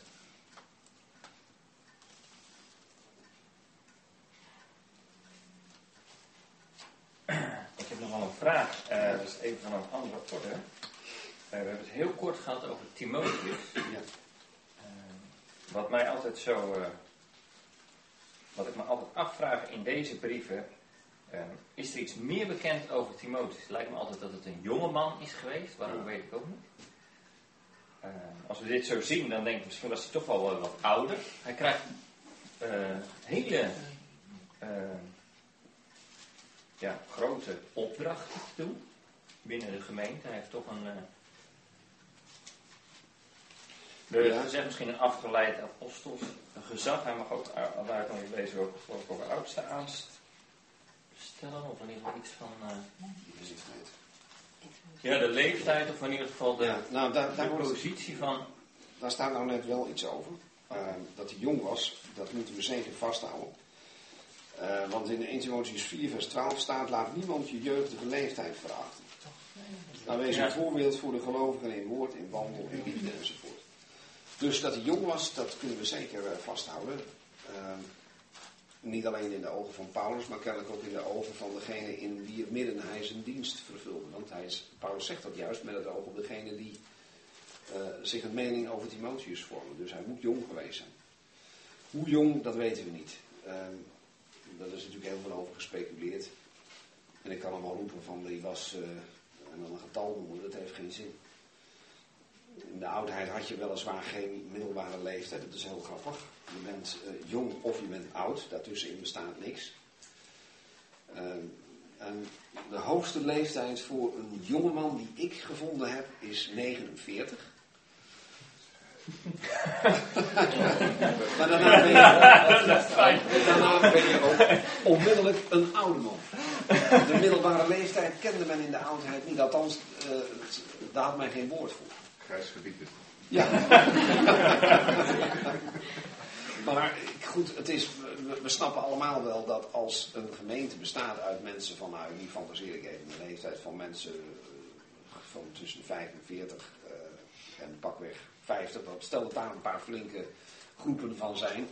En er komt een jonge man van, en nou zeg ik pakweg 30, die naar allerlei hele verstandige dingen komt zeggen namens Paulus. Dat daar wel eens iemand zal denken van wat, wat moet zo'n zo'n hier. Uh, dat is natuurlijk niet goed als je dat denkt. Uh, maar Paulus zegt wel denken aan Timotheus. Uh, laat dat niet gebeuren, maar hij laat wel al horen hoe hij dat kan voorkomen. Als het gaat om zijn wandel. Dus dat hij jong is, dat zullen we hieruit moeten afleiden dat Paulus het zegt. Jeugdige leeftijd. En dat hoeft echt niet te betekenen dat hij misschien al, al 49 was. Want dat is het meest extreme voorbeeld dat ik gevonden heb. Ik vond het wel leuk dat ik jarenlang tegenover de leerlingen kon volhouden dat ik in de ogen van de Romeinen nog een jonge man was. Maar op een gegeven moment moest ik zelfs dat, toen ik dat hoogste getal ook gepasseerd was, zeggen dat het nou toch echt uh, afgelopen was. Is dat, is dat nog iets wat we. Uh, ja, moet ik het zeggen? Iets wat we nu nog mogen gebruiken als, als jonge broeders? Of is dat iets waar we. We kennen bijvoorbeeld ook de Johannesbrief, waar misschien ook wat meer over jongelingen wordt gesproken. Ja. Dat is soms lastig om. Uh... Ja, maar daar is het in het meervoud. En daar uh, is sprake van die drie groepen. Hè? Ja. Um, vaders in Christus. En de jongelingen. En dan is er ook nog een woord voor kinderen. Baby's, kleine kinderen. En uh, dan, als je ziet hoe Johannes die woorden gebruikt, dan zie je dat uh, voor alle drie daar een bepaald kenmerk is van wat ze zich al aan christelijke zegeningen hebben eigen gemaakt. Hoe ver ze geestelijk gegroeid zijn. Dus dat zien we daar meestal als geestelijke uh, leeftijdsaanduiding. Terwijl dat hier lijkt me heel duidelijk om de kalenderleeftijd gaat. Hij, hij was gewoon nog een jonge man. En hij moet ook zelf jonge mannen en zo vermanen, ook jonge vrouwen. En uh, nou, dat alleen al uh, moet hij op een, daar krijgt hij praktische aanwijzingen worden, zullen we nog naar kijken. En voor de rest is het iemand waarvan je je kan afvragen, uh, ja, dat is toch best wel uniek. Hè? We vergelijken hem vaak met Titus, hè, die in naam van de apostel toch wel hele vergaande opdrachten hebben gekregen. En ik zei al zelf, je kunt niet zomaar één op één alles wat hij te horen kreeg op ons uh, toeschrijven. En toch denk ik dat ook in onze tijd mannen kunnen zijn die uh, aan Timotheus doen denken. Als iemand met gezag, ook al is die jong, het lef heeft het woord van God daar te spreken waar het losgelaten wordt, dan treedt hij wel in Timotheus voetsporen. Niet met een, als een gevolmachtigde apostel, maar wel met iemand die de moed heeft om dat woord zo te brengen dat het ook aanslaat. En dat kan alleen maar als zijn eigen wandel dat kun je dan weer leren van het onderwijs van Paulus en Timotheus, daarmee in overeenstemming is. Kijk, eh, een heel praktisch voorbeeld. Het zou vreemd zijn als een, uh, een ongetrouwde jongeman van, en nou zeg ik expres jongeman, 25, 30 jaar, uh, zich heel specifiek gaat richten op het geven van onderwijs aan jonge vrouwen. Dan voelt iedereen aan dat is een beetje gek dat is vragen om praatjes. Uh, dat moet je niet willen, even een modern cliché gebruiken. Maar als zo iemand um, in contacten met uh, leeftijdgenoten van het mannelijk geslacht of oudere broers en zusters op een gepaste manier uh, beleefd, respectvol laat horen, maar toch uh, met een zekere beslistheid. Dat het woord van God bepaalde dingen die zij uh, misschien in nonchalance hebben genegeerd, uh, toch uh, naar voren brengt. Ja, dan zou je kunnen zeggen, zo iemand kan veel hebben aan wat Paulus aan Timotheus schrijft. Zonder dat hij meteen zegt, ik ben hier bekleed met apostolisch gezag en ik kom hier een apostolische opdracht uitvoeren. En daarom ben ik eigenlijk heel blij dat deze brief in de Bijbel staat. Maar uh, laat niemand van ons, uh, even in goed Limburgs gezegd, zichzelf te veel menen.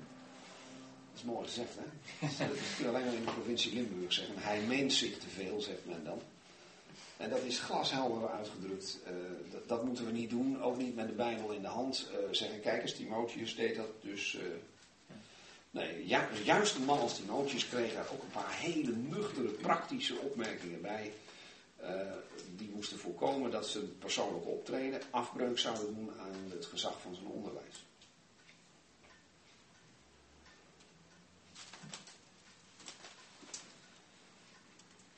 Weiß nicht, ob ich richtig verstanden habe. Wie hast du Vers 8 erklärt? Was bedeutet es, das Gesetz gesetzmäßig zu gebrauchen? Ja.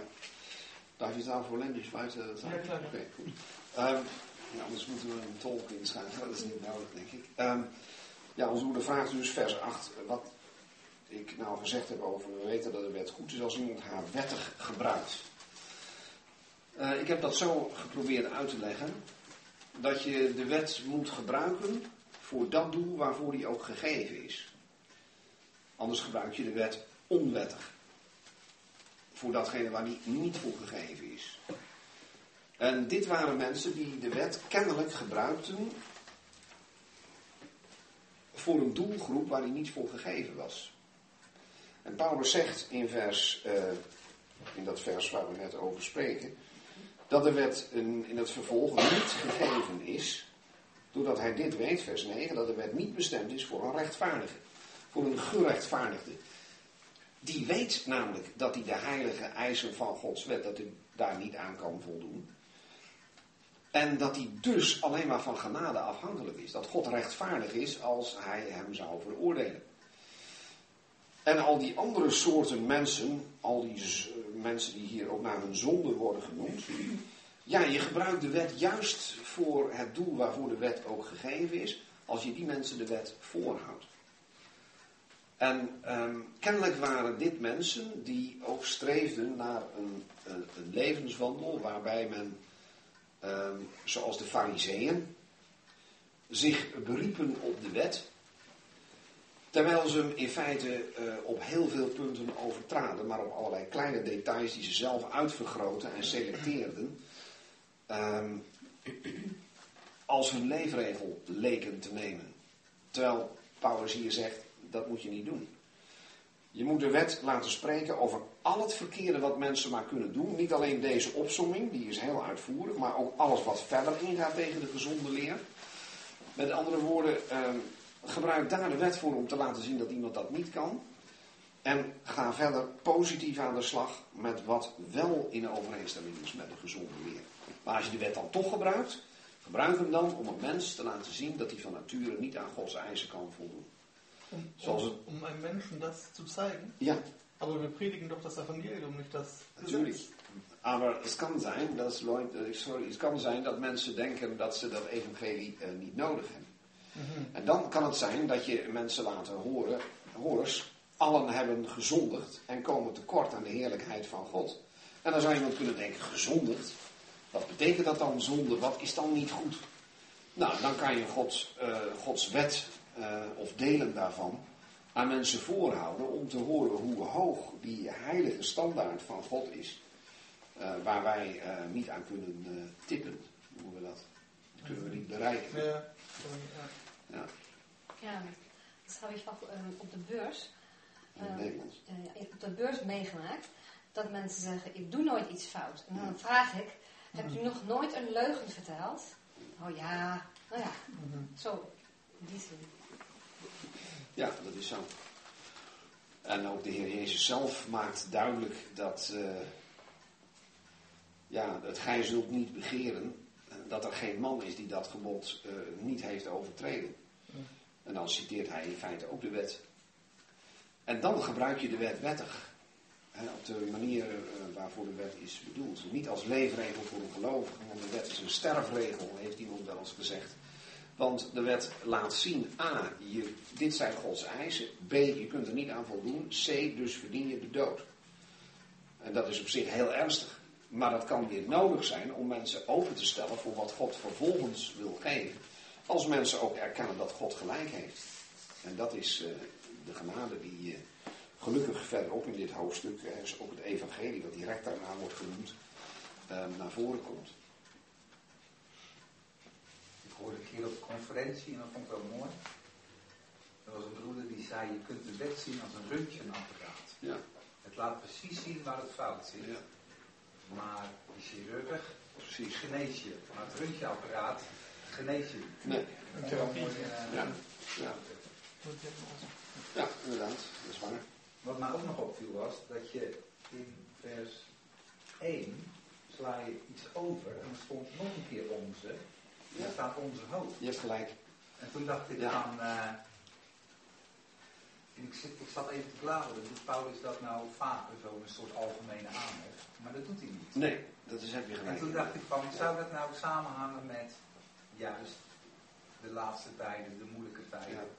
Dat er juist onze hoofd gezet. Ja, ik ben dat inderdaad vergeten.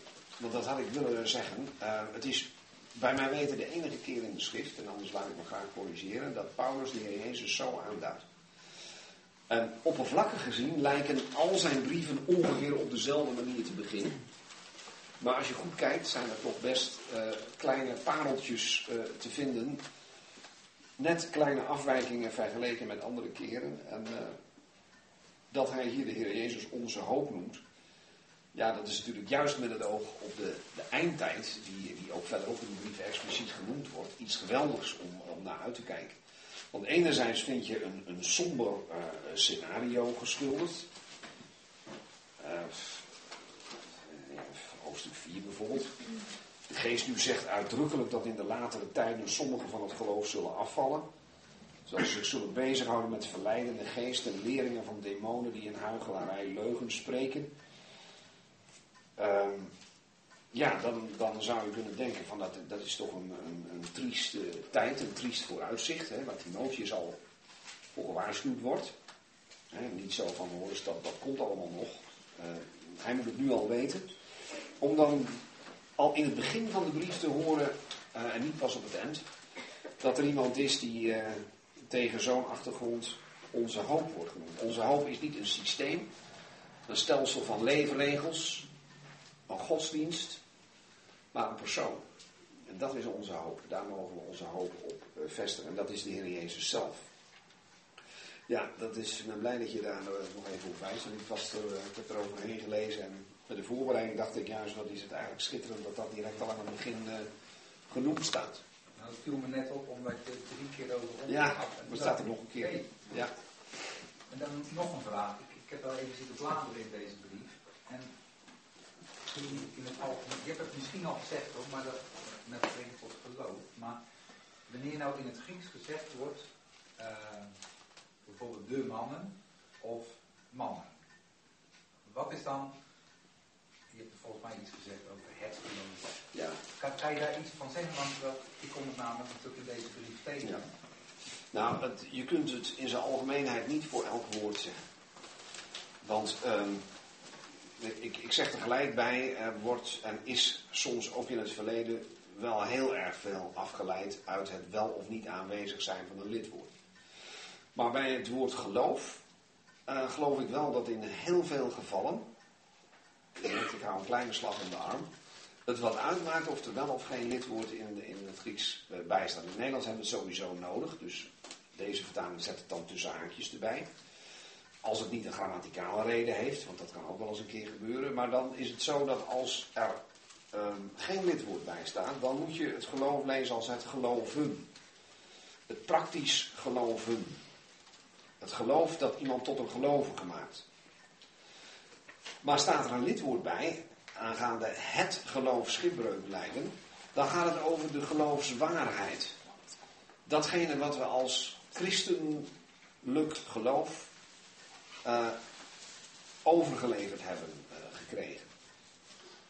Bijvoorbeeld ehm, de brief van Judas.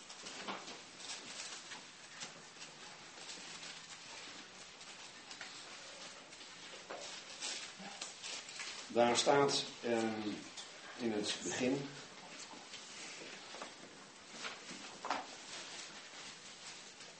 Vers 3, Judas vers 3, geliefden, terwijl ik alle bereidwilligheid had u te schrijven over onze gemeenschappelijke behoudenis, werd ik genoodzaakt u te schrijven met de vermaning om te strijden voor het geloof dat eenmaal aan de heiligen is overgeleverd. Nou, je kunt aan mensen niet het geloven overleveren. Je hebt zelf de verantwoordelijkheid om wel of niet te geloven. En dat is een gave van God. Even 2. Maar het geloof met een lidwoord, wat ons wel is overgeleverd, is de waarheid zoals die in de schrift onthuld is. En dat wordt ook het geloof genoemd. En dat hebben we overgeleverd gekregen. Uiteindelijk hebben wij dat hier in onze Bijbel staan. En dat is wat we geloven.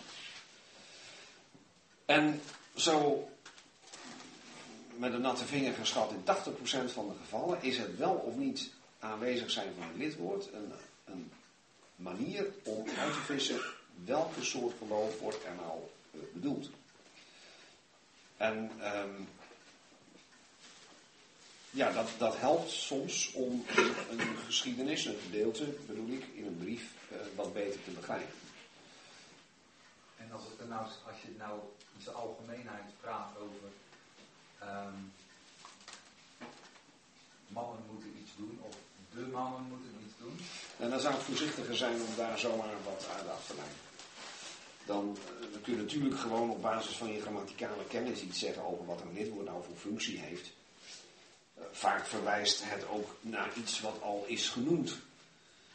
Dan is er ergens een man genoemd, voor het eerst wordt hij geïntroduceerd en even verderop staat diezelfde man nog eens een keer, maar dan met een lidwoord. Zo van, ja, dat is die man die net genoemd is. Dus dat, is gewoon, dat is in elke taal uh, speelt dat.